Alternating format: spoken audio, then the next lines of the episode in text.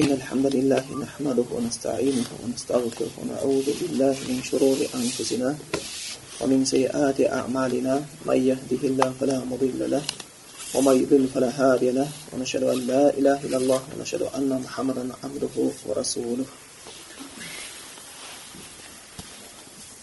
Bismillah. Endi allohdan jadalni so'rayotib bugun hadis sabog'imizni arra javostiramiz o'n birinchi hadis ekan Hop hadisning matni mana quyida keladi. An Abi Muhammadin Al-Hasan ibn Ali ibn Abi Talib sibti Rasulillah sallallahu alaihi wasallam wa rayhana wa rayhanatihi radhiyallahu anhuma qala hafiztu min Rasulillah sallallahu alaihi wasallam da ma yuribuka ila ma yuribuka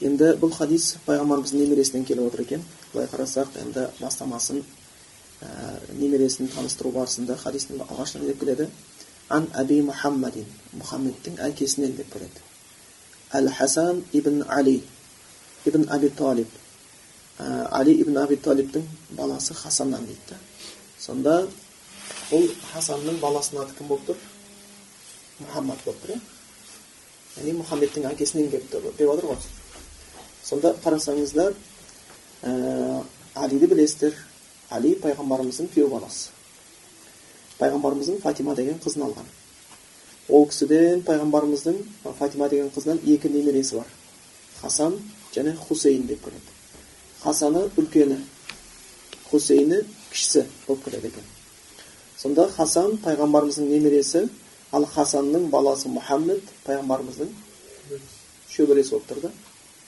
сонда қарайтын болатын болсақ бұл жерде біз хадистен көріп тұрғанымыздай яғни пайғамбарымыз немересі өзінің баласына атасының атын қойып отыр да мұхаммад деп атасының атын қойған екен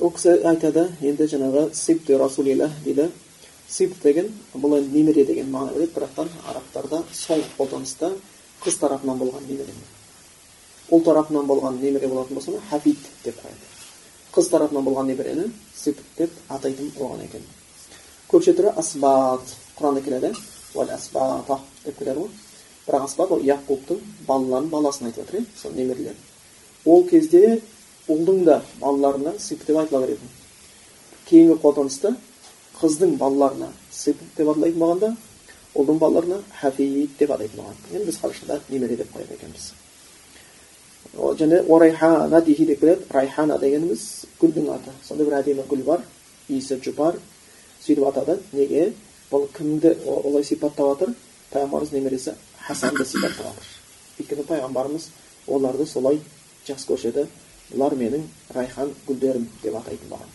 сондай бізде де сондай бір ә, кей кезде ә, қыз балалардың атына райхан деп ат қояды. Сол жаңағы гүлдің атына байланысты қойылған екен.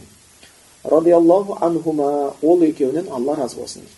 Бұл жерде енді анхума деп екілік сиғада келіп отыр иә. Ол екеуінен алла разы болсын деп. Ол екеуі деп кімді айтып жатыр бұл жерде?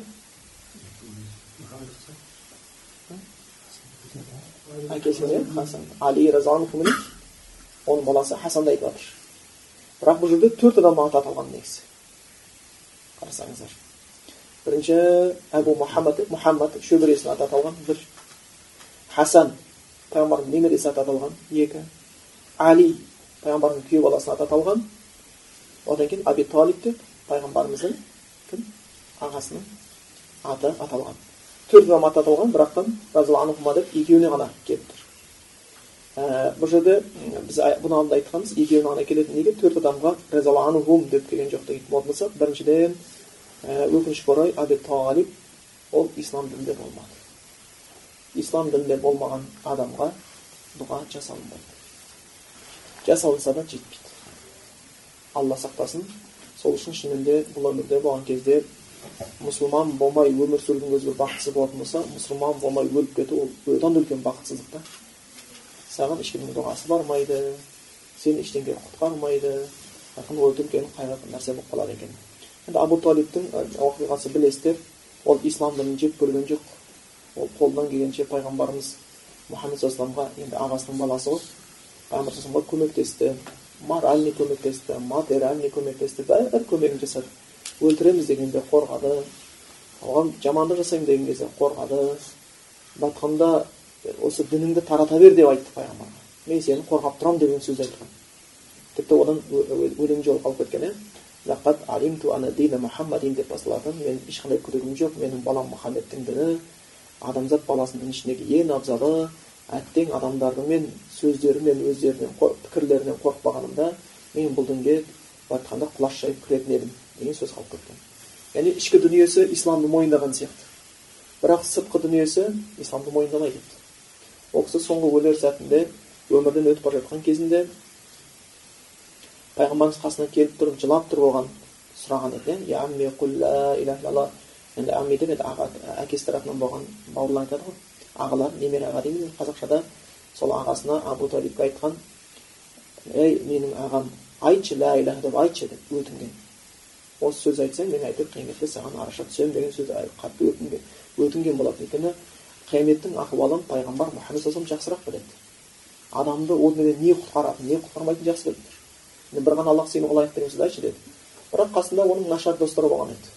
Сол кезде көсем болып жүрген өздерінше беделді болып жүрген абу жахил сияқты абу лахаб сияқты достар болды олар болатын болса не ата дінінен бас тартасың ба бір аллаға сыйынамын деп ата бабаларың сыйынған нәрсені тастағың келіп тұр ма деген сөзді айтып олар да пайғамбармен жарысып алысып жатты адам өлейін деп жатыр хабарда келеді соңғы демін шығарып жатыр дейді сөйтіп осылай талас болып жатқан кезде сол абу талиб не айтып қалды жоқ мен енді ата бабамның жолынан бас тартпаймын ғой деген кезде кеудесінен жан шығып кетті кейін аллах тағаланың хабар келді оның мұсылман еместігіне байланысты пайғамбарымызға былай айтқанда кейін сұрайды бір кісіге пайғамбар ал енді сені ағаң сондай көмектесті жәрдем етті соған бір нәрсе көмектесті ма қиямет күнінде жоқ ешқандай көмектескен жоқ бірақ оған жеңіл азап беріледі дейді бәрі ұзаққа түседі. Егер пайғамбарға малымен тәнімен ақылымен көмектескен адам оның дінін қабылдамаған үшін тозаққа түсіп кеткен болатын болса онда пайғамбардың дініне кірмей және пайғамбарды жек көріп пайғамбардың діні туралы жаман сөз айтқан адамның жағдайы не болатынын енді ол ойлаудың өзі қорқынышты болып табылады екен сол үшін көбінесе біз білуіміз керек көптеген адамдар аллахтың дініне кірмей қалу себептер көп иә білімсіздіктен кірмей қалады тағы да басқа бірақтан көбінесе кірмей қалу дейді қоғамдық пікірден қорқу дейді ел не дейді ертең мен туралы біздің заманымызда айтсақ ойбай террорист деп айтады ойбай экстремист деп айтады ойбай уахабист деп айтады деген сондай бір жалған истерден қорқамын деп діннен иіс алмай жүрген қанша адамдар бар. Бұл жерде сол үшін разуанху деп біз оны алиге және оның баласы пайғамбарымыздың немересі хасанға айтылды деп айтып жатырмыз. Өйткені ә, мұсылман емес адамға андай бұндай алла разы болсын деген сөз айтылмайды дұға қылынбайды. Ал енді шөбересі пайғамбарымыз мұхаммед хасанның баласы мұхаммед оған ол айтылмайды өйткені ол мұсылман сахаба емес. Разиаллаху деген сахабаларға айтылады. Ал ол табиғиндардан оларға рахимахуллах деген сөз айтылады алла мейіріміне бөлесін деген. Осылай сахаба мен табиғиндарды ажырату үшін ғалымдардың қойған осындай сөздерге белгісі екен енді ол кісі жеткізеді алла ол кісіден разы болсын деп жалпы хадисте келеді екен айтты дейді ол кісі. Аллахтың елшісінен ал ол кісі жаңағы аллахтың елшісі пайғамбарымыз ғой енді ол кісіге сәлем болсын мына бір сөзді жаттадым дейді пайғамбарымыздың немересі хасан айтады мен аллахтың елшісінен мына бір сөз жаттадым мүмкін ол өзі тікелей естіп жаттаған мүмкін болмаса әкесі болмаса сол хадис жеткізуші сахабалар біреуден естіп жаттаған енді алла білуші өйткені пайғамбарымыз өмірден қайтқан кезде хасанның жасы жеті жаста еді кіші бала еді қандай сөз жаттадым дейді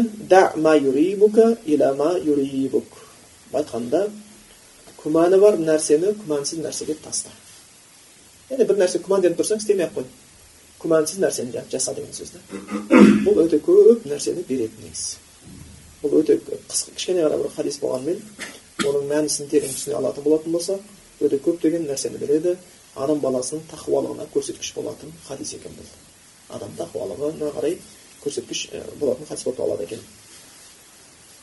енді жалпы пайғамбарымыздың осы ә, немересі хасан туралы айтып кетсек болады енді хадис ә, сол кісіден жетіп жатқаннан кейін ол кісі туралы айтпай кету мүмкін емес жалпы пайғамбарымыздың немерелері хасан мен хусейнді жақсы көру ол құлшылық құлшылық пайғамбарымыз оларды жақсы көрген және олардың жақсы көргендерді дұрыс көрген бұл пайғамбарымыздың әулетінен болады бұл кісілер бұл хасан айттық ә, оның інісі болған хусейн пайғамбарымыздың қызы фатимадан және әлиден тараған ұрпақтар болып табылады екен қазақта осыған ұқсатып балаларына ат қояды асан үсен деп қояды сол арабтың хасан хусейн деген сөзден шыққан ілгергі уақытта енді өзіміздің ата бабаларымыз дінге әрқашанда жақсы пікірде болған еді балаларының атына осындай жақсы аттарды қоятын ондағы ойлары сол кісілер сияқты құрметті болсын деді. Сол үшін бізге атарымыз аттарынан оспан омар әу бәкір деген жақсы аттарды жиі көреміз. Абайдың шын аты кім? Ибраһим түсінікті қандай? Өйткені адамның атынан үлесі бар дейді. Сондай жақсы аттарды қоюға тырысатын. Бұл енді ә, пайғамбарымыздың немерелері оларына байланысты пайғамбарымыз айтып кеткен хадистер де бар. Пайғамбарымыз оларды жақсы көрген. Хума саида жаңағы шабабил жанна деп келеді. Мен әхлі шабаб жанна жәннаттағы болатын жастардың құрметтілері осы екеуі болады деген хадис бар пайғамбарымызда. Және бір хадисте келеді. Пайғамбар мұхаммед мұстафа саллаллаху алейhi хасан келген кезде ол туралы айтқан сөзі бар.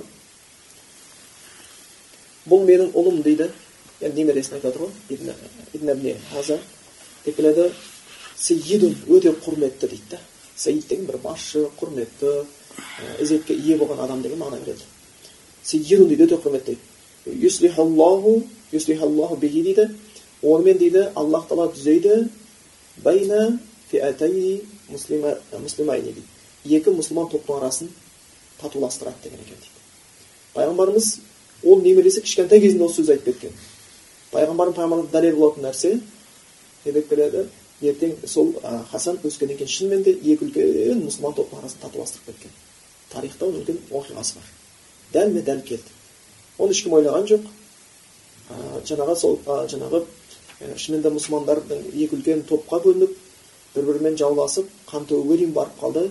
Сол қан төгуді қалай тоқтатарын білмей жатқан кезде пайғамбарымыздың немересі пайғамбарымыз айтқандай екі топты татуластырып мұсылмандардың қанын қорғап қалған оның қысқаша тарихы қалай болып келетін оның тарихын білесіздер пайғамбарымыздан кейін халиф болып абу бәкір сыдық отырды одан кейін омар одан кейін осман одан кейін әли болды негізі фитнаның басталуы омардан кейін басталады өзі исламдағы фитна фитна деп жатқанымыз бұл жердегі мұсылмандар мен мұсылмандар арасындағы кикілжің негізгі фитнасы шайтан енді оларға ширк күнәсін істетуге шамасы келмеген кезде олардың арасына шатақ салуға бар күшін салатын еді сол үшін омар фитнаның есігі аса аталған иә омар тұрған кезде фитнаға жол жабық еді омар өткеннен кейін фитнаның есігі сынғандай болды сөйтіп фитна содан бері әлі тоқтамай келе жатыр кейін осман разиаллаху халиф болады ол кісі он екі жыл халиф болды сол кезде енді мұсылмандар көбейген бірақ мұсылмандар көбейгеннен кейін ә, сонда кішкене әдептері ілімдері болғанымен ол алған ілімін түсінбейтін топтар пайда шыға бастады олар осман туралы нашар сөз тарата бастады елдің арасына ол сондай екен ол анау ә, мұсылмандардың малын жеп қояды екен үйтеді екен әділ емес екен басшылыққа тек туысқандарын шақырып жатыр үйтіп жатыр бүйтіп жатыр деген сияқты мұсылмандардың ішінде осман туралы жаман хабар тарататындар көбейді әлі күнге ол жалғасып келе жатыр егер исламда осы таухидты біліп құран сүннетті сүйіп оған қызмет жасайтын бір адам көрініс пайда болған болатын болса шайтан әлі күнге дейін ол адам туралы жаман сөз таратқанды жақсы көреді неге оның соңына көпшілік ілесіп кетпеу үшін сөйтіп осман туралы осындай жаман хабар тарата бастады. Ол басында жай шыққан көрінді кейін көбейді топқа бөлінді. Олар өз алдына бір топ бола бастады. Сөйтіп кәдімгідей үрей туғызатын болып қалды. Соншалық дәрежеге жетті осман анхуды бір күні үйін қоршады кейбір риwаятта келеді үйін сол қарсы шыққан адамдар қоршаған кезде алты мыңға жуық еді дейді да ойлаңызшы қанша адам болып кеткен алты мың адам келіп қоршаған да сен әділ емессің сен дұрыс істеп жатқан жоқсың сен халифалықта дұрыс атқарып жатқан жоқсың деген сияқты қоршап алған дейді сөйтіп сөйтіп тұрған кезінде қоймай біреулер үйге кіріп сөйтіп османды өлтірген құран оқып отырған жерінен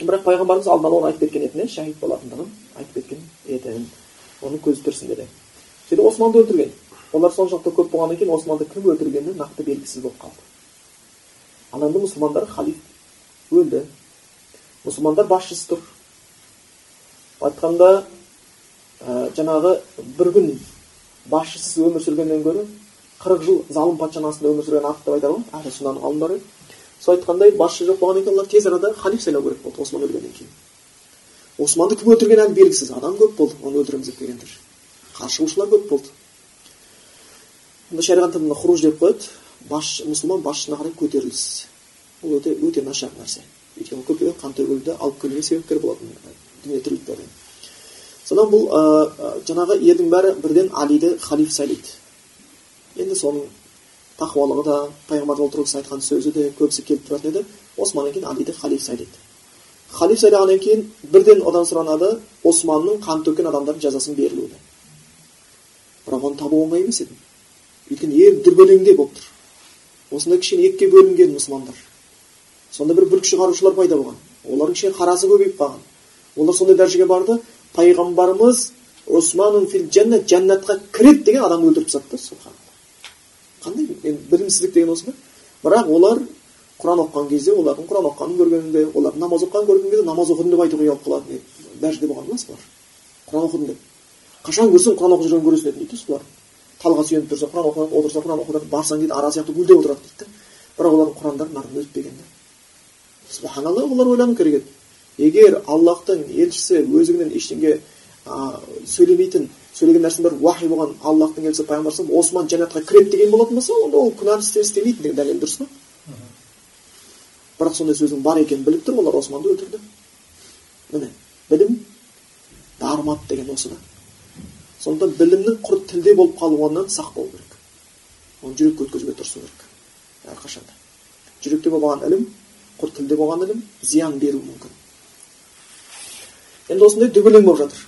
Сонда алиге айтады османды өлтірген адамдарды тауып жазасын беруіміз керек дейді өйткені мұсылмандар үшін ең жақсысы өлтірілді али болса табан астынан кім өлтіргенін табу қиын олар да осы дүрбелеңде табылмай кеткенше қарап отыр қолға түссе оларды аямайтын оларды біліп отыр сөйтіп али біраз тынышталғанды күтті бүкіл нәрсе тынышталып халифатты толық орнатып сөйтіп ә, жаңағы істі анықтап кім қатысты кім болды әлі күнге дейін белгісіз османды кім өлтірген белгісіз болды тобырлап деген тобыр дегеннің жаман жер сол топырлап кеткен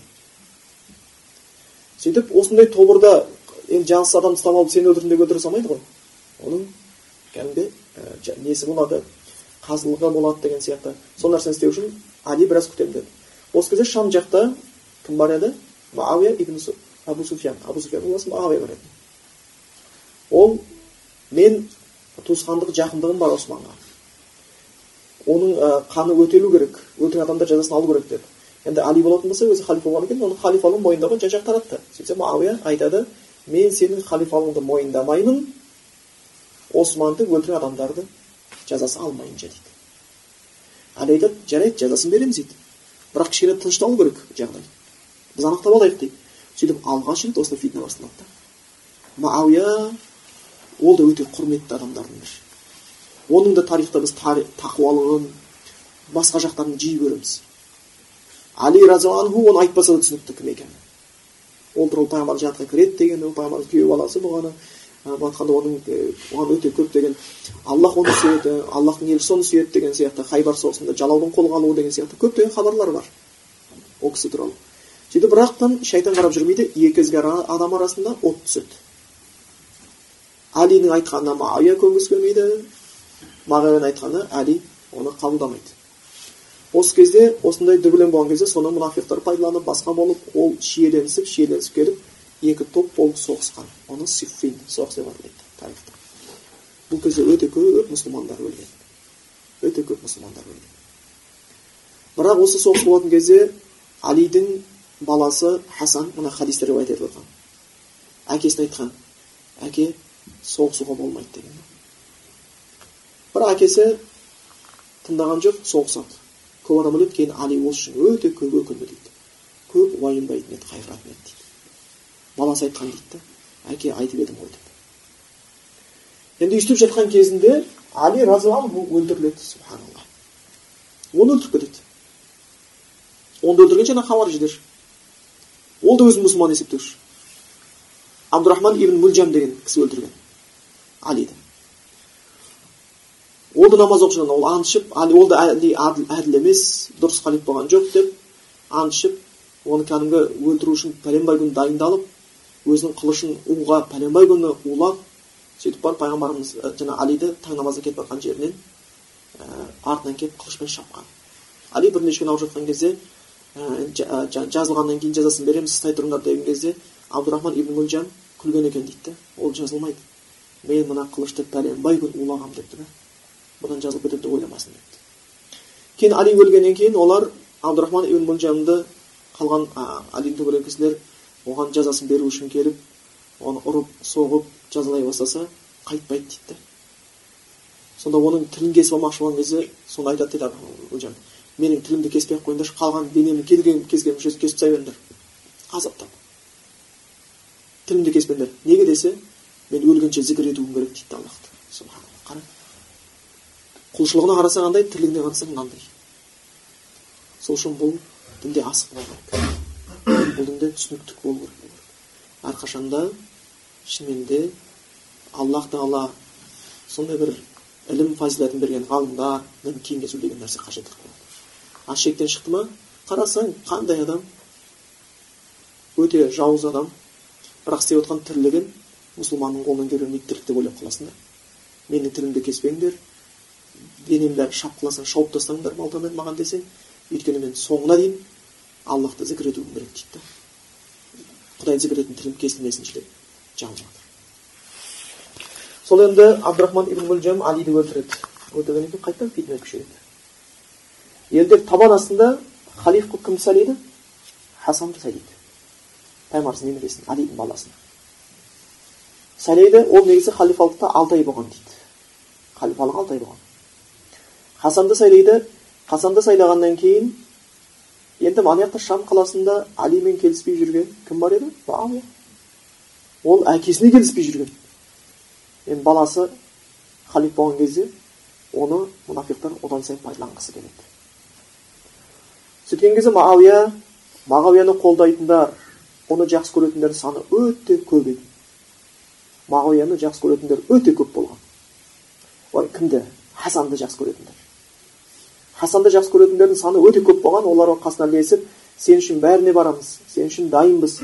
Сенің халифалығың нығаю үшін күшею үшін саған көмектесеміз деп қасына адамдар көп жиналады сөйтіп ол сол куфеден шығып сириядағы мағауияға қарай жөнеледі қасында әскерлермен. Мағауия да қасындағы әскерлерін топтап алады да келе жатыр екен бізді қарсы аламыз деп қайтадан соғыс болуға сондай себептер туындап қалады бірақ мағауия өзінің әскеріне айтқан екен дейді ана жақта әскер адамдардың ішінде басқарып келе жатқан өте артық адам менен жақсы адам басқарып келе жатыр деді пайғамбардың немересі ғой құрметтеген екен ол ылғи сұрайтын болған да ол халиф болмай тұрған кезде хасан туралы сұрап отыратын болған қандай адам айтшы маған не істейді қалай намаз оқиды деп біз қайда оның қасында деп айтып отыратын мағауия болған да сол егер келетін болса енді тату шешіліп кетсе тату шешіліп кетсін бірақ соғыс болып қалатын болса депті мағауия өзінің қасына жаңағы ілескен айтады дейді да. Бірінші болып еш уақытта қол көтермеңдер. Тіпті сендердің біреулерің емес бірнешеулерің өлгенше қол көтермеңдер дейді да. Мен бірінші болып бастағым келмейді бұл соғысты дейді бірақ енді шайтан бәрін пайдаланғысы келеді сөйтіп келеді жиналған кезде хасан мағауиямен сөйлескісі келетіндігін айтады. Екеуі отырады сөйтіп өзінің шарттарын айтып хасан айтады халиф сен боласың дейді. Халифалық керек емес сөйтіп екі топ достасып ойламаған жерден татулық орнап қараса хасанды қолдайтындар көп мағауияны қолдайтындардан гөрі бірақ хасан шегініп татуластырып бұл жылды не деп аталып кеткен тарихта амул жамаа дейді да топтасу бірігу татуласу жылы аталып кеткен дейді енді өте бір керемет бұл құр топтасу жылы емес бұл пайғамбар саллаллаху алейhi пайғамбарлығының мұғжизасы еді өйткені пайғамбар айтқан екі үлкен топтың арасын татуластырады ол баласы туралы дәл айтқандай бұл татуластыр сөйтіп хасан кейін қайтқаннан кейін хасанды кейбіреулер істеген ісіне қатты қуанып көптеген қан төгілген тоқтатылып сондай бір бейбіт заман орнап исламның фитнасы енді азайып мұсылмандардың көзі енді ашылып сөйтіп ә, жаңағы су тұнық бола бастайды. Бірақ сол кезде хасанды жамандайтындар пайда болып қалады біз саған сеніп едік соңынан ілесіп барып едік сен болсаң анаған халифалықты бере салып шегініп кеттің бізді жерге қаратып тастадың сен мұсылмандардың қорлаушысың мұсылмандарды жерге қаратушысың деген сөздер айтып намысына тиген пайғамбарымыздың немересіне бірақ оған ол кісі мән бермеген біз енді кімнің сөзін аламыз мұсылмандардың қорлаушысы деген солардың ренжігендердің сөзін аламыз ба онда пайғамбар не деп айтады ол өте құрметті өйткені екі мұсылман тобын жарастырады деген сөзін аламыз яғни ол құрметті үлкен дәреже иесі болғандығы өйткені шынымен де біз бір нәрсені білуіміз керек ислам дініндегі татулық бейбітшілік тыныштық деген нәрсе әр мұсылманның жүрегінде бірінші тұратын нәрсе да бірінші тұратын нәрсе мұсылман еш уақытта өздігінен бүлік бастамайды ол бүлікке асығушылық ол жақсы емес. Ол талап екен. Сол үшін пайғамбарымыз сирасын мұқият оқысақ та басқа жерде көрсек те әрқашанда тыныштық болатын жерде тыныштықты орнату мұсылмандар жүгіреді. Тіпті ибраһим пайғамбар сонау қағбаны соққан кезде ең алғаш жасаған дұғалардың біреусі ол қалаға рызқысынан басқасынан бәрінен бұрын не айтқан еді? Әмина бұл қаланы бейбіт қала қылшы деп дұға алғанда. Одан кейін қалған онда тұратындарға жемісін бер басқасын бер деген нәрсені кейін сұрады өйткені айтқан кезде қазақша мақалмен айтатын болатын болсақ қайғысыз қара су артық дейді ғой яғни бейбіт отырып қара су ішсең семіресің да соғыспай отырып май жесең де арықтайсың сонда бұл жерде пайғамбарымыз айтқандай мұғжизасы болғандай сол нәрсе болады хасан өзі кішкентайынан пайғамбарымыз хусейнді екеуін өте жақсы көретін тіпті хадистерді біз білеміз иә пайғамбарымыз намаз оқыған кезде үстіне мініп алатын бұлар балаларға да енді осы жерде кішкентай балалар бар бауырларымыз бар болса олардың үйінде көргенше намаз оқыса не екенін белгісі әйтеуір тура сол кезде жүгіріп келе мінеді ғой дұрыс па намаз біткен кезде қашып кетеді шашеліп шашеліп алады да тура сол сияқты енді бір аллах тағала не қылып қойған шығар пайғамбарымыздың да немерелері де пайғамбарымыз намаз оқыған кезде үстіне мініп алатын еді сонда пайғамбарымыз дейді сәжде болса үстіне мініп алған кезде асықпай көтерілетін құлап қалмау үшін сондай бір балажан кісі болған еді. Исламдағы діннің өзі құлшылықтың өзі өзгелерге зиян әкелмейтін құлшылық та.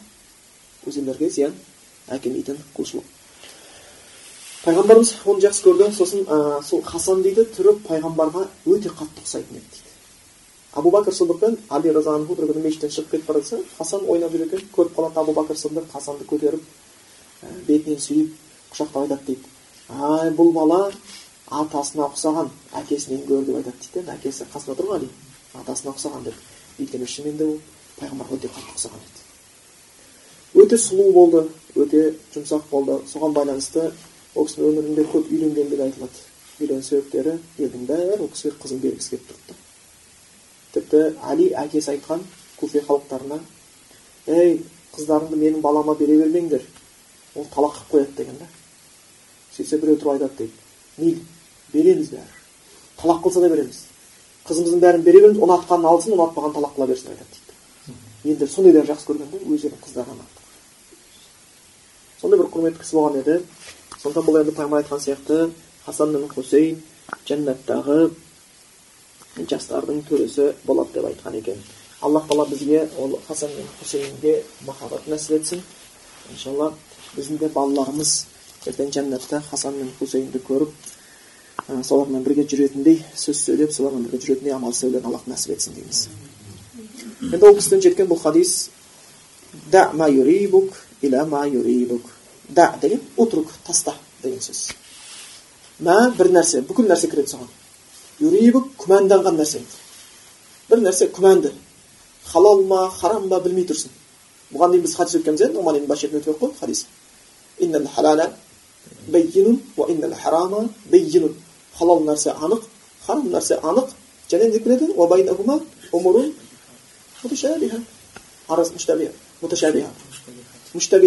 арасында бір істер бар күмәнді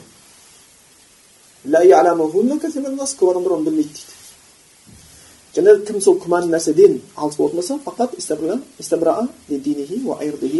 ол өзінің дініне де өзінің арына да жақсылық қылған болады да пайда келтірген болады осыған ұқсайтын хадис мұсылман адам яғни күмәнді нәрседен алыс болуға тырысады күмәнді нәрседен әрдайым алыс болып тырысады күмәнсіз нәрсеге дейді да күмәнсіз нәрсені істе күмәнді нәрсені таста деген мағынада беріп тұрады екен бұл тақуалықтың бір ә, өлшем бірлігін көрсететін хадистің бірі болып табылады екен. Енді жалпы күмәнді нәрсе әр жерде болады. Құлшылықта күмән болып қалады кей кезде адамдармен болған қарым қатынаста күмән болып қалуы мүмкін.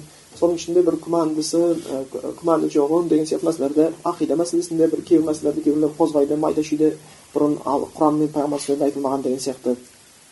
Мысал алатын болсақ құлшылық бабында адам дәрет алды. Кейіннен кейін есінде жоқ бұзды ма бұзбады ма енді осы жерде қарайық дәрет алғаны нақты бұзған бұзбағаны күмәнді сонда қайсысын тастайды күмәнді тастайды нақтысын алады дәретім бар дейді сонда бұл көмектеседі да жеңілдетеді шайтан уасуасқа салудан көмектеседі әйтпесе уасуас деген ол бар шайтан кейде дәретке айналысады намазға айналысады ракат санын тұрғысы келеді дәретің дұрыс алмадың сен басыңа мас қылмай қалдың сен аяғыңды жумай кеттің сен бетіңді жумай қалған сияқтысың деген сияқты уасуас аузың шаймадың деген сияқты. Уасуас салады адам қайта қайта суға түседі алады да қылады жумадым да қайта қайта суға түседі сөйтіп шайтан есін шығарып жіберуі мүмкін. Сол үшін кей кезде осындай шайтанның айдасына уасуасына тосқауыл болады бұл хадис. Яғни ол адам дәрет алған бұзған есінде жоқ дәрет алғаны нақты бұзғаны күмәнді. Нақты нәрседе қалады да күмәнді нәрсені тастайды сол үшін фихта ғалымдар арасында қағида бар иә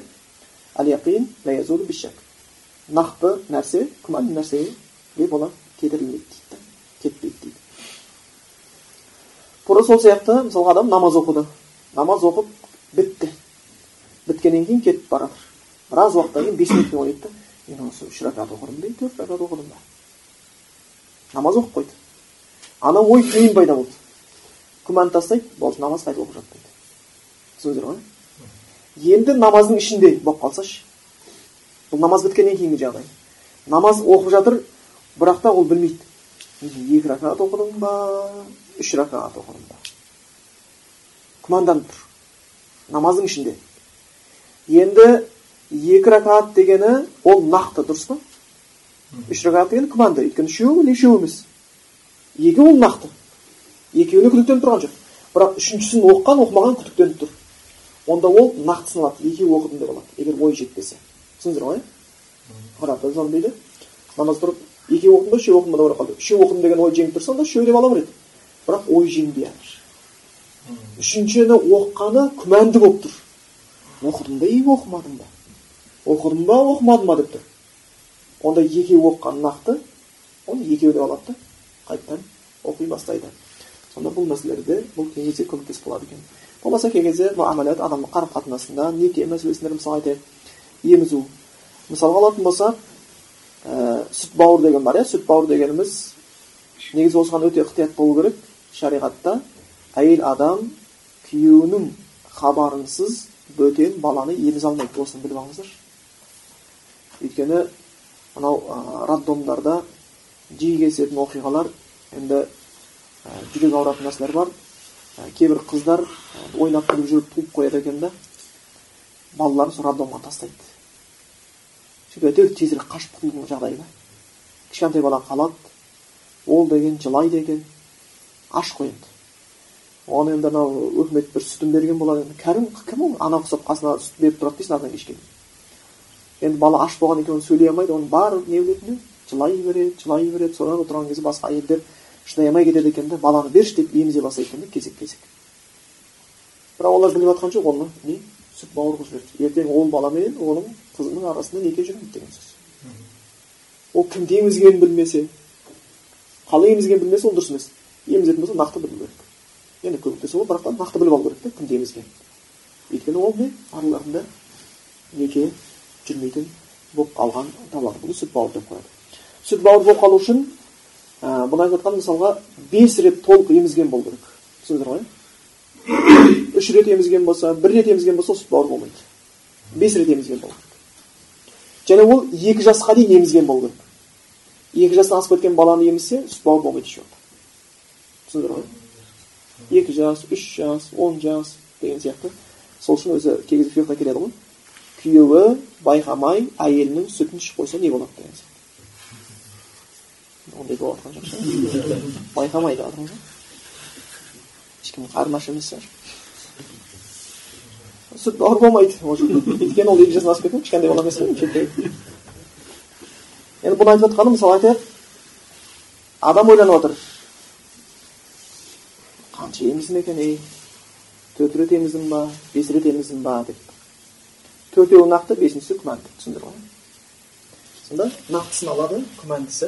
қалады. Тура сол сияқты хадис бар. Пайғамбарымыз кезінде бір сахнада намаз оқыған кезде пәленше то жел шығарып қойған сияқты деген хабар келеді ғой. Пайғамбар дейді. Жоқ намаздан кетпесін не дауысын естігенше не иісін тапқанша дейді сезгенше дейді. Намаздан кетпесін дейді енді нақты болу керек та. Что то білмей тұрмын мен осы намазда бірдеңе бүлдірдім ба бүлдірмедім ба? Деп намаз бұза салу болмайды нақты болу керек. Бірақ енді адам өзі біліп тұрған болатын болса жыбыр жыбыр жыбыр етіп бірдеңе шығып жүрген болатын болса ол одан түгі жоқ. Намазға дейін намаздан кейін де. Бұл оқыс кезде пайда болған кезде иә? Оқыс. Ішіне жел толып жүрген адамдарға байланысты айтқан жоқпыз. Ондай болатын болса нақты дауысын естімейінше болмаса иісін сезбейінше намаздан кетпейді. Яғни бұл нақ күмәнді жағдайлар түсіндіңдер ғой? Намазда білдіртпей жел шығарып алып оқи беруге болады деген жағдай емес ол. Міне осындай бір нәрселерде бұл хадис көмектесіп қалады екен және де жалпы өмірдің өзінде де мысалы бір халал екен бір нәрсе нақты харам екен нәрсені біліп тұрсың. Бір жерде күдіктеніп қалдың бір тамақтан. Білмейсің. Мұсылмандар алып келген ба? Мұсылман еместерден келген ба? Таза ма? Таза емес па күдіктеніп тұрсың ба? Жүрегіңді ауыртпай ақ қой сал. Жалпы адамның фитрасы таза болатын болса адамның жүрегі ше фитрасы таза болатын болса адамның жүрегі сезе бастайды екен да. Пайғамбар бір сахабаға не деп айтады? Жүрегіңмен кеңес дейді. Да жүрегіңмен кеңес, кеңес дейді. Осыған ұқсас бір хадис бар ода келеді. Дейді. Шындық дейді. Жүрекке тыныштық алып келеді дейді. Да ал өтірік болатын болса рибун ол жүректің мазасын кетіреді дейді. Күмән алып келеді дейді. Сол үшін адамның фитрасы таза болған кезде уже жүрегі өзі сезіп тұрады да. Түсіндіңдер ма? Әй мынау жақсы емес. Мазаң кетеді. Эми что то дұрыс болмады мынау маған ұнамай тұр деп адам өзі сезе бастайды. Сол үшін біз фитрамызды алла тағала біздің өзіміз бізді жаратқан кезде не үшін жаратқан? Адамды көркем келбетті жаратты деген сияқты. Біз көркем сөз сөйлеу үшін көркем іс істеу үшін жаратылғанбыз. Әрбір көркем сөз сөйлеген сайын әрбір көркем іс істеген сайын біз кәмілдік пайда болады адамда түсіндіңіздер ғой жоғарылай береді әрбір күмәнді істі істеген сайын әрбір күнәні істеген сайын құлдырау пайда болады адамда төмен төмен түсе бастайды сол үшін адам шындап келгенде өзін өзі жаны ашу керек та бір нәрсе күдіктеніп тұрса қоя салу керек сол үшін үлкен имамдарда ондай нәрсені біз көреміз иә абу бәкір сыдықта да сондай оқиға болған абу бәкір сыдық тамақ ішеді кейін оның қасында жүрген көмекшісі келіп айтады ол тамақтың халал емес екенін айтады да абу бәкір сыдық сол жерде не дейді тамағына қолын салып қайта қайта құсып сумен шайып шайып тастап төгіп тастады дейді сондай дәрежеде оны төгіп тастаған болмаса абу ханифа енді имамдар ішінде бұл абу ханифаның бір қызық жері бұл кісі дүние тіршілігімен де дін таратумен де екеуімен қатар айналыса алған да бұл өте сирек шаруа негізі көп адамның қолынан келмейді ал өмірінің соңында толық дін таратуға ілім беруге күшін жұмсады ол кісі өзі мата сататын оның өзінің базары болған сол алып кеткен сауда саттықта өте мықты еді сол үшін көбінесе ә, ханафи мазхабында мына сауда саттық муамала бабында күшті болып келетіні содан да өйткені ол кісі өзі оны практиковать етіп жүрген тіршілігі түсіндіңіздер ма өзі істеп жүр базардың ішінде өзі жүрді құр былай айтқанда медреседе отырып алып фатуа беріп жатқан жоқ өзі араласып жүрген тіршілік етін ол кісі бір күні сабақ беру керек болады да орнына бір шәкіртін тастап кетеді шәкіртіне айтады мына матаның кемшілігі бар алушы адамға міндетті түрде айтуын ұмытып кетпеңдер мына матаны сатқан кезде деп ескертіп кетеді кейін ол барып сабағын береді шәкірттер есінен шығып кетеді ол матаны сатып жібереді бәрін бірдей бағаға сатады ана кем матаны арзан бағаға сату керек кейін ол ақшасын араластырып жібереді кейін абу ханифа келіп сұраса не болды десе ол есінен шығып кетеді кімге сатты білмейді уже кімге сатқанын білмейді кім алып кеткенін білмейді қалай сатқанын білмейді. Сонда сол күнгі түскен саудадан түскен пайданы дейді абу ханифа садақаға жіберген дейді. Садақа қылып тастаған дейді. Сонда бұл жерде кей кезде әрбір күмәнді нәрседен барынша алыс болуға тырысу керек екен. Өйткені күмәнді нәрседен алыс болған адамға ол өзі мен дініне пайда келтіреді деп бұның алдында біз хадисте айтқан болатынбыз. Енді ә, біз ә, тағы бір хадис бар екен оған енді сәл кішкене кішігірім жақындығы бар ол хадистің соны да иншалла бүгін сабағымызға қосып өтейік келесі хадис он екінші хадис ан аби хурайрата разиаллаху анху аби хурайрадан алла кісіден разы болсын қала айтады қала расулуллахи саллаллаху алейхи вассалам аллахтың елшісі айтты дейді аллахтың ол кісіге игілігі мен сәлем болсын min husni islamil mar'i кісінің мұсылманшылығының көркемдігі кәмілдігі толықтығы тәркуху ма ла өзіне пайдасы жоқ нәрсені тастауында дейді пайдасыз нәрсені тастау ислам діннің кәмілдігін көрсетті кісінің мына жерде күмәнді нәрсе мынау пайдасыз нәрсе түсіндіңіздер ғой айырмашылық сәл бар бірақ екеуі де тақуалық пен көркем мінез құлықты көрсетеді біреусі күмәнді нәрседен алыс болу екінші пайдасыз нәрседен алыс болу. Мұсылман болғаннан кейін болуы мүмкін бірақ пайдасыз нәрсемен айналысып қалуы мүмкін пайдасыз нәрсе деген фудул деген сияқты мысалға көп пайдасыз артық сөз пайдасыз артық тамақ пайдасыз артық ұйқы деген сияқты. Пайдасыз артық тіршілік сондай бір нәрселер. Бұрынғылар қарасаңыз мына уақыт деген біздегі ең қымбатты нәрсенің біреусі да? Өйткені ғалымдар айтқан мына дүние ақыреттің егіні біз осы не ексек соны ертең орып аламыз міндетті түрде. Бұрынғылар сәләфтарды қарасаңыздар өмірлерін субханалла уайымдауға қимайтын да уақыт өтіп кетеді депші. Уайымдауға қимайтын уақыт ше қайғырып ай! деп отырғанға қимайтын болған уақыт. Сол үшін шынымен хасан басри бір жерде айтады мен он сахабаны көрдім дейді оның бойында ортақ бір қасиетті байқадым дейді олар өздерінің уақытына дейді минкум аля амуаликум сендердің дүниеге сараң болғандарынан бетер сараң дейді да уақытқа өте сараң еді дейді да бос нәрсеге қимайтын олар уақыттан әрқашанда сол үшін бұл екінші нәрседе уақытты тиімді пайдалануға пайдасыз нәрселермен айналысуды тастауға бұйыратын хадис. Екінші хадис. Мысалға алатын болсақ қазір кезде енді мұсылман болғаннан кейін біз жақсы сөйлеуге жақсы істеуге талпынамыз қолымыздан келгенше. Соның өзінде енді әркім өз несін өзі біледі ғой? Тіс кетігін тіл біледі деген сияқты. Өз жағдайын өзі біледі. Бірақ осы хадисті оқыған сайын адам ұялғандай болады да. Әлі де уақытты тиімді пайдаланбай жатырмын ау деген сияқты. Өмір болса өтіп бара жатыр. Кеше бір отырыста отырдық. Енді қарапайым кісілер. Енді намазға таухидке шақырып жатырмыз ғой уағыздап жатырмыз ол кісілерді. Көпшілік болды. Көпшілік әлі діннен хабар алмаған. Енді олар түсінсін деп сұрақ қойдым да. Сіздер мен туралы не ойлайсыздар? Жаспын ба жас емеспін ба деген сияқты сұрақ. Енді олардың ойында мені жас адам сияқты көріп отыр. Мен дедім менің жасым қырыққа келді дедім хижри жыл санауы бойынша қырықтамыз енді милади жыл санауы бойынша отыз тоғыздамыз. Менің жасым қырыққа келді. Енді қырық осыны сіздер мені жас деп ойлап отырсыздар деймін.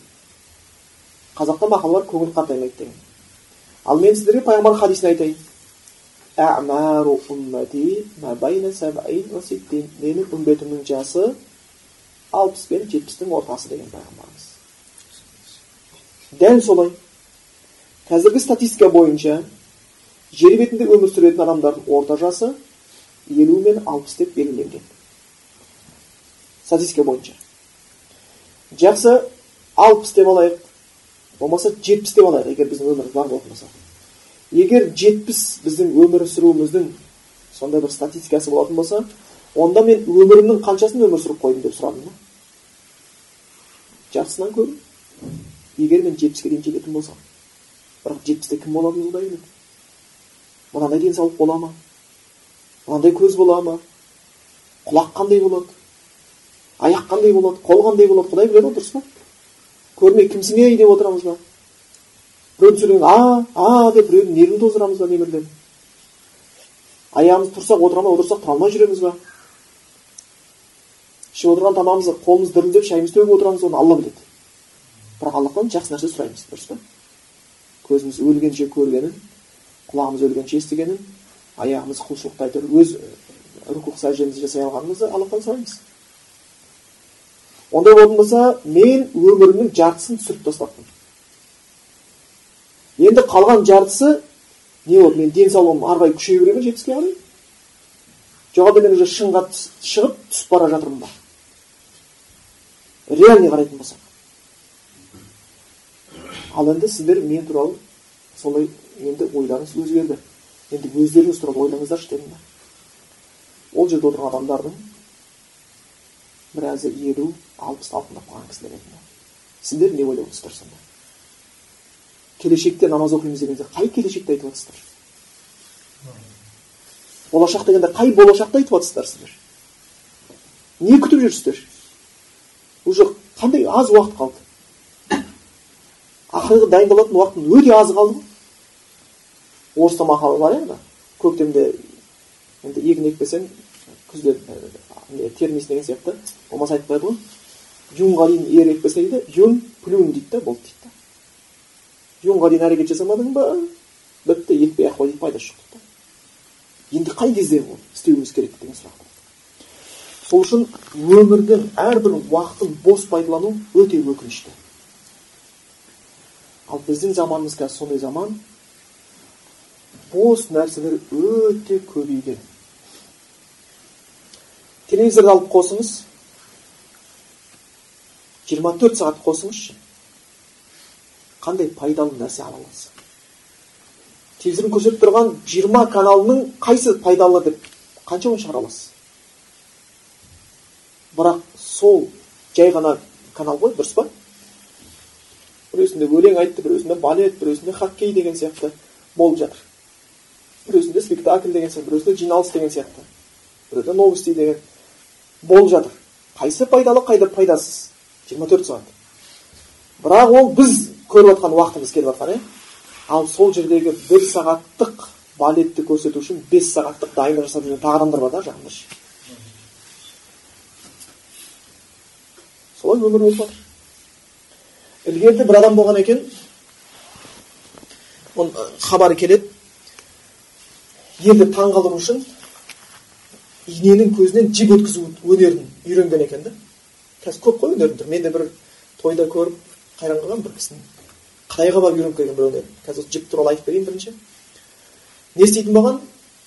Ол бес қадам жерден он қадам жерден жіпті қатайтып сабын жағып жуалдызға лақтырып кәдімгі найза лақтырғандай иненің көзінен өткізеді екен да енді ойлаймын қандай дәл болу керек та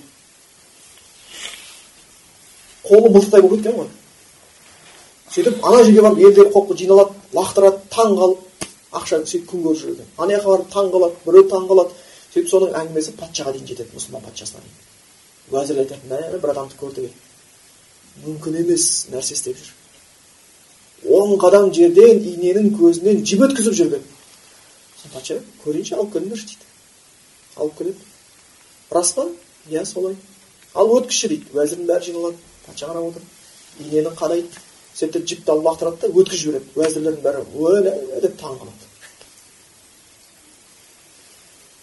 тағы да өткіз дейді тағы да өткізеді таң қалады. Үшінші рет өткізеді үшінші рет өткізеді таң қалады бәрі. Сосын патша айтады ә өнерің мықты екен дейді да қанша осындай дәл лақтыру үшін қанша уақыт кетті? деп сұрайды. Осындай дәлдікке жету үшін тура осы дәлдікке жету үшін қырық жыл уақыт кетті депті да сосын патша айтты мынаған депті өнері мықты екен таң қалдырып жатыр бәрін қырық алтын беріңдер және қырық дүре соғыңдар депті да түсінбей қалыпты патша қырық алтынды түсіндім өнерімді бағалаған шығарсың бірақ қырық дүре не үшін депті да? Сондай асыл өміріңді пайдасыз нәрсеге өткізгенің үшін деп айтты дейді. Не пайда? Сол бұл бүкіл өмірін соған өткізгенің үшін деген екен дейді. Тура сол сияқты. Бір той болды. Сонда бір кісі өнер көрсететін болды. Үш таяқ. Соны лақтырып таяқты жерге түсірмей билейді да. Енді ол ақылға сыймайтын нәрсе. Қолмен істеп жатқан жоқ таяқпен таяқты енді түсірмейді. Соны кейін сұрастырса қытайдан пәленбай жылда үйреніп кетті да мә мынау мұсылман патшасы болса мынау да дүре алатын адам екен ғой деді. Өйткені ол сондай өнер бір апта тренировка істемесең ұмытып қаласың да. Сонда шынымен де мұсылман адам өте дұрыс нәрсе пайдалану керек. Ал енді екінші бір нәрсені қараңыздаршы. Біз енді мұсылманбыз. Құран тыңдағымыз келеді. Хадис тыңдағымыз келеді дәріс қарағымыз келеді дұрыс нәрсе жазғымыз келеді. Қарапайым қалыптарды бір қараңыздаршы. Пойызда бір купеде отырып қалып тойда дастархан басында отырып қалып құдай тамақ. Бір дастарханды көрдім адамдар үндемей отырған ше құлақ тынбайды ғой сөйлеп жатыр дұрыс па? Гүбір гүбір гүбір кіріп келсе екі адам отырса да сөйлей береді он адам болса да сөйлей береді сөйлеп жатыр бір пайдалы сөз көресіздер ма көрмейсіздер алла құран айтады сендердің сөйлеп жатқан сөздердің көбісінде сендер үшін хайыр жоқ дейді пайда жоқ илля болмайынша ол сөз қандай сөз болмайынша ол сөз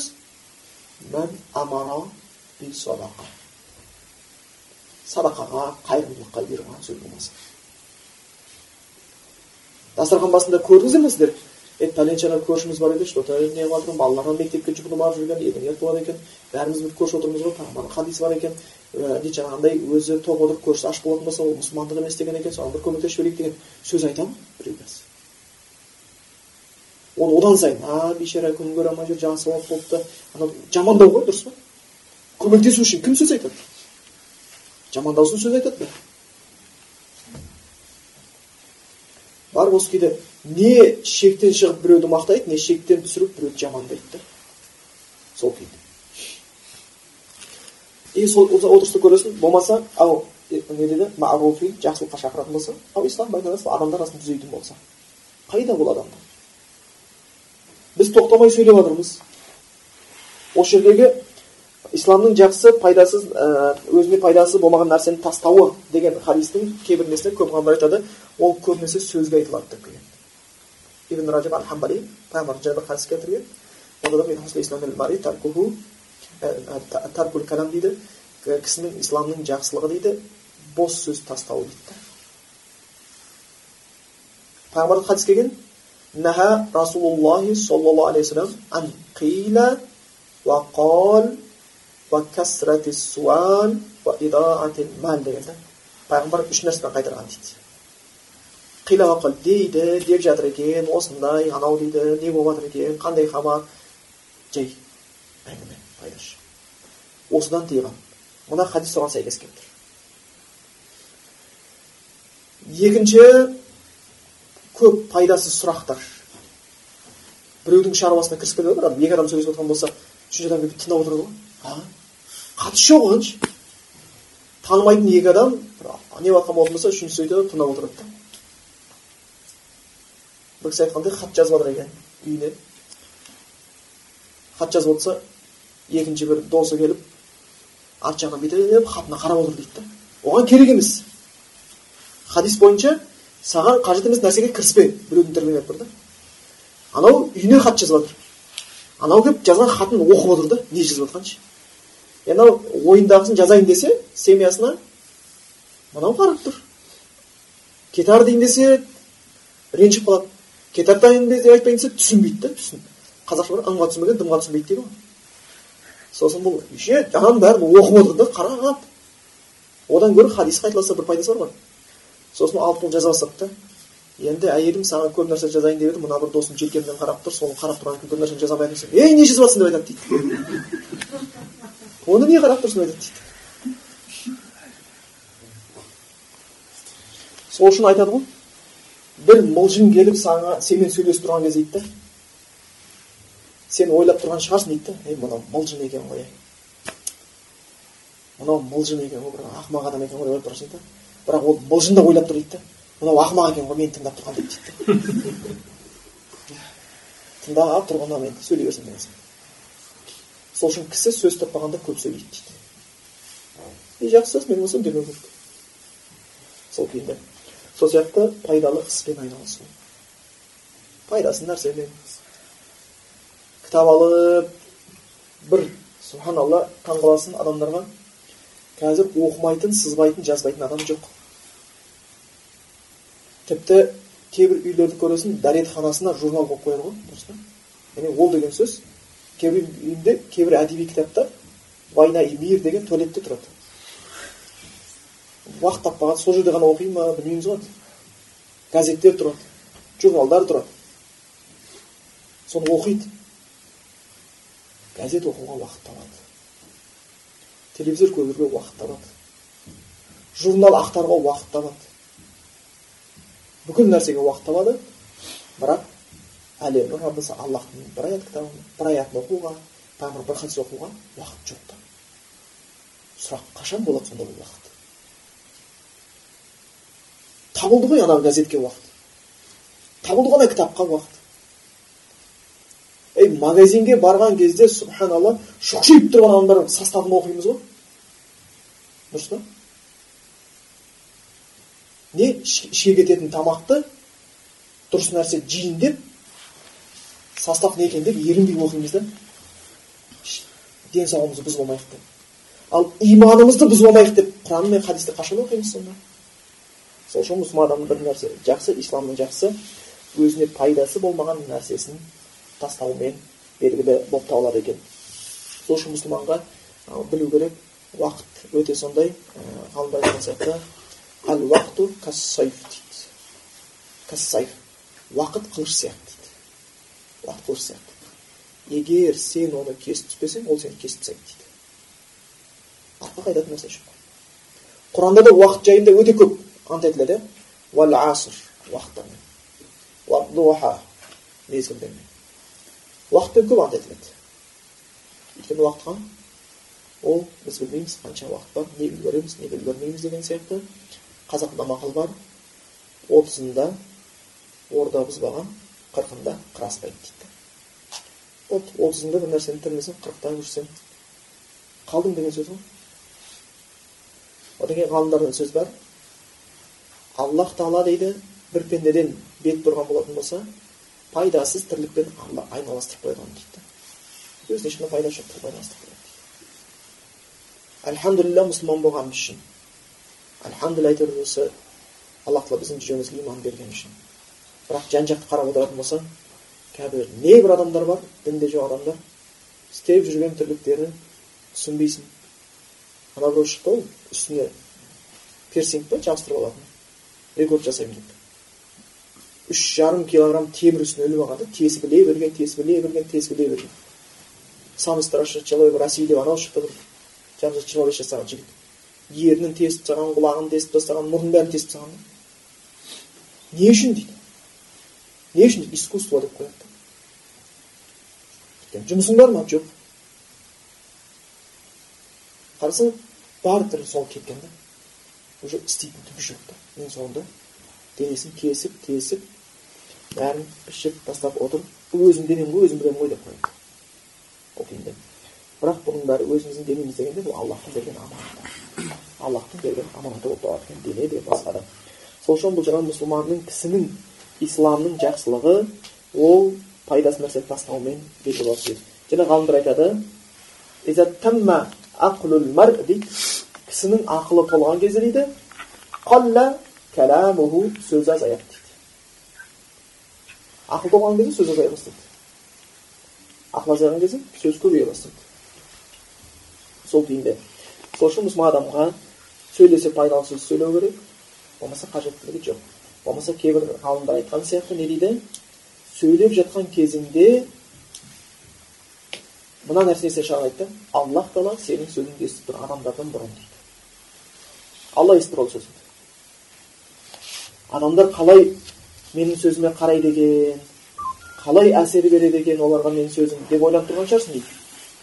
Бірақ бірінші ойлайтын нәрсең сенің сөйлеп жатқан сөзіңді аллах тағала естіп тұр оның әсері ертең қалай болады? Соны ойла дейді бұл сөйлеп жатсаң дейді. Ал сөйлемей үндемей тұрсаң дейді. Алла сені көріп тұрған естен шығармайды біз отырған кезде елдер қарап отыратын болса отырысымызды киімімізді жөндеп отырамыз ғой тура сол сияқты аллах тағала бізді көріп тұр аллах тағала бізді естіп тұр деген ойдан шығармау керек осы нәрсе естен шығармаған кезде адам баласы бос нәрсемен жаңағындай айналыспауға тырысады аллахтың бізге берген басы бар оған пайдалы нәрсені кіргізіп пайдасыз нәрсені кіргізбегені жақсы өйткені ол қымбат дүние аллахтың бізге берген іші бар оған пайдалы тамақты ішіп пайдасыз тамақты ішкізбей ақ қойған жақсы өйткені ол да денсаулық деген қымбат дүние аллахтың бізге берген жүрегі бар оған пайдалы нәрсені кіргізіп пайдасыз нәрсені кіргізбей ақ қойған жақсы өйткені ол біздің денеміздегі қымбат мүше болып табылады екен сондықтан осы бүгін екі хадиске бір тоқталып өттік аллах тағала біздерге пайдалы ілімдер нәсіп етсін аллах тағала әрқашанда ақиқатты ақиқат қылып көруді және оған ілесуді нәсіп етсін өтірікті өтірік қылып көруді одан сақ болуды нәсіп етсін бізге берген әрбір уақытты тиімді пайдалануымызды нәсіп етсін аллах тағала. Біздің әке шешелеріміз бала шағаларымыздың имандарын арттырсын хидаяттарын күшейтсін жәннаттың жолын оларға жеңілдетіп тозақтан оларды алыстатсын. Және аллах тағала әрбір ислам дініне көмек берем деген көмек беріп жатқан кісілерге көмек етсін жәрдем етсін.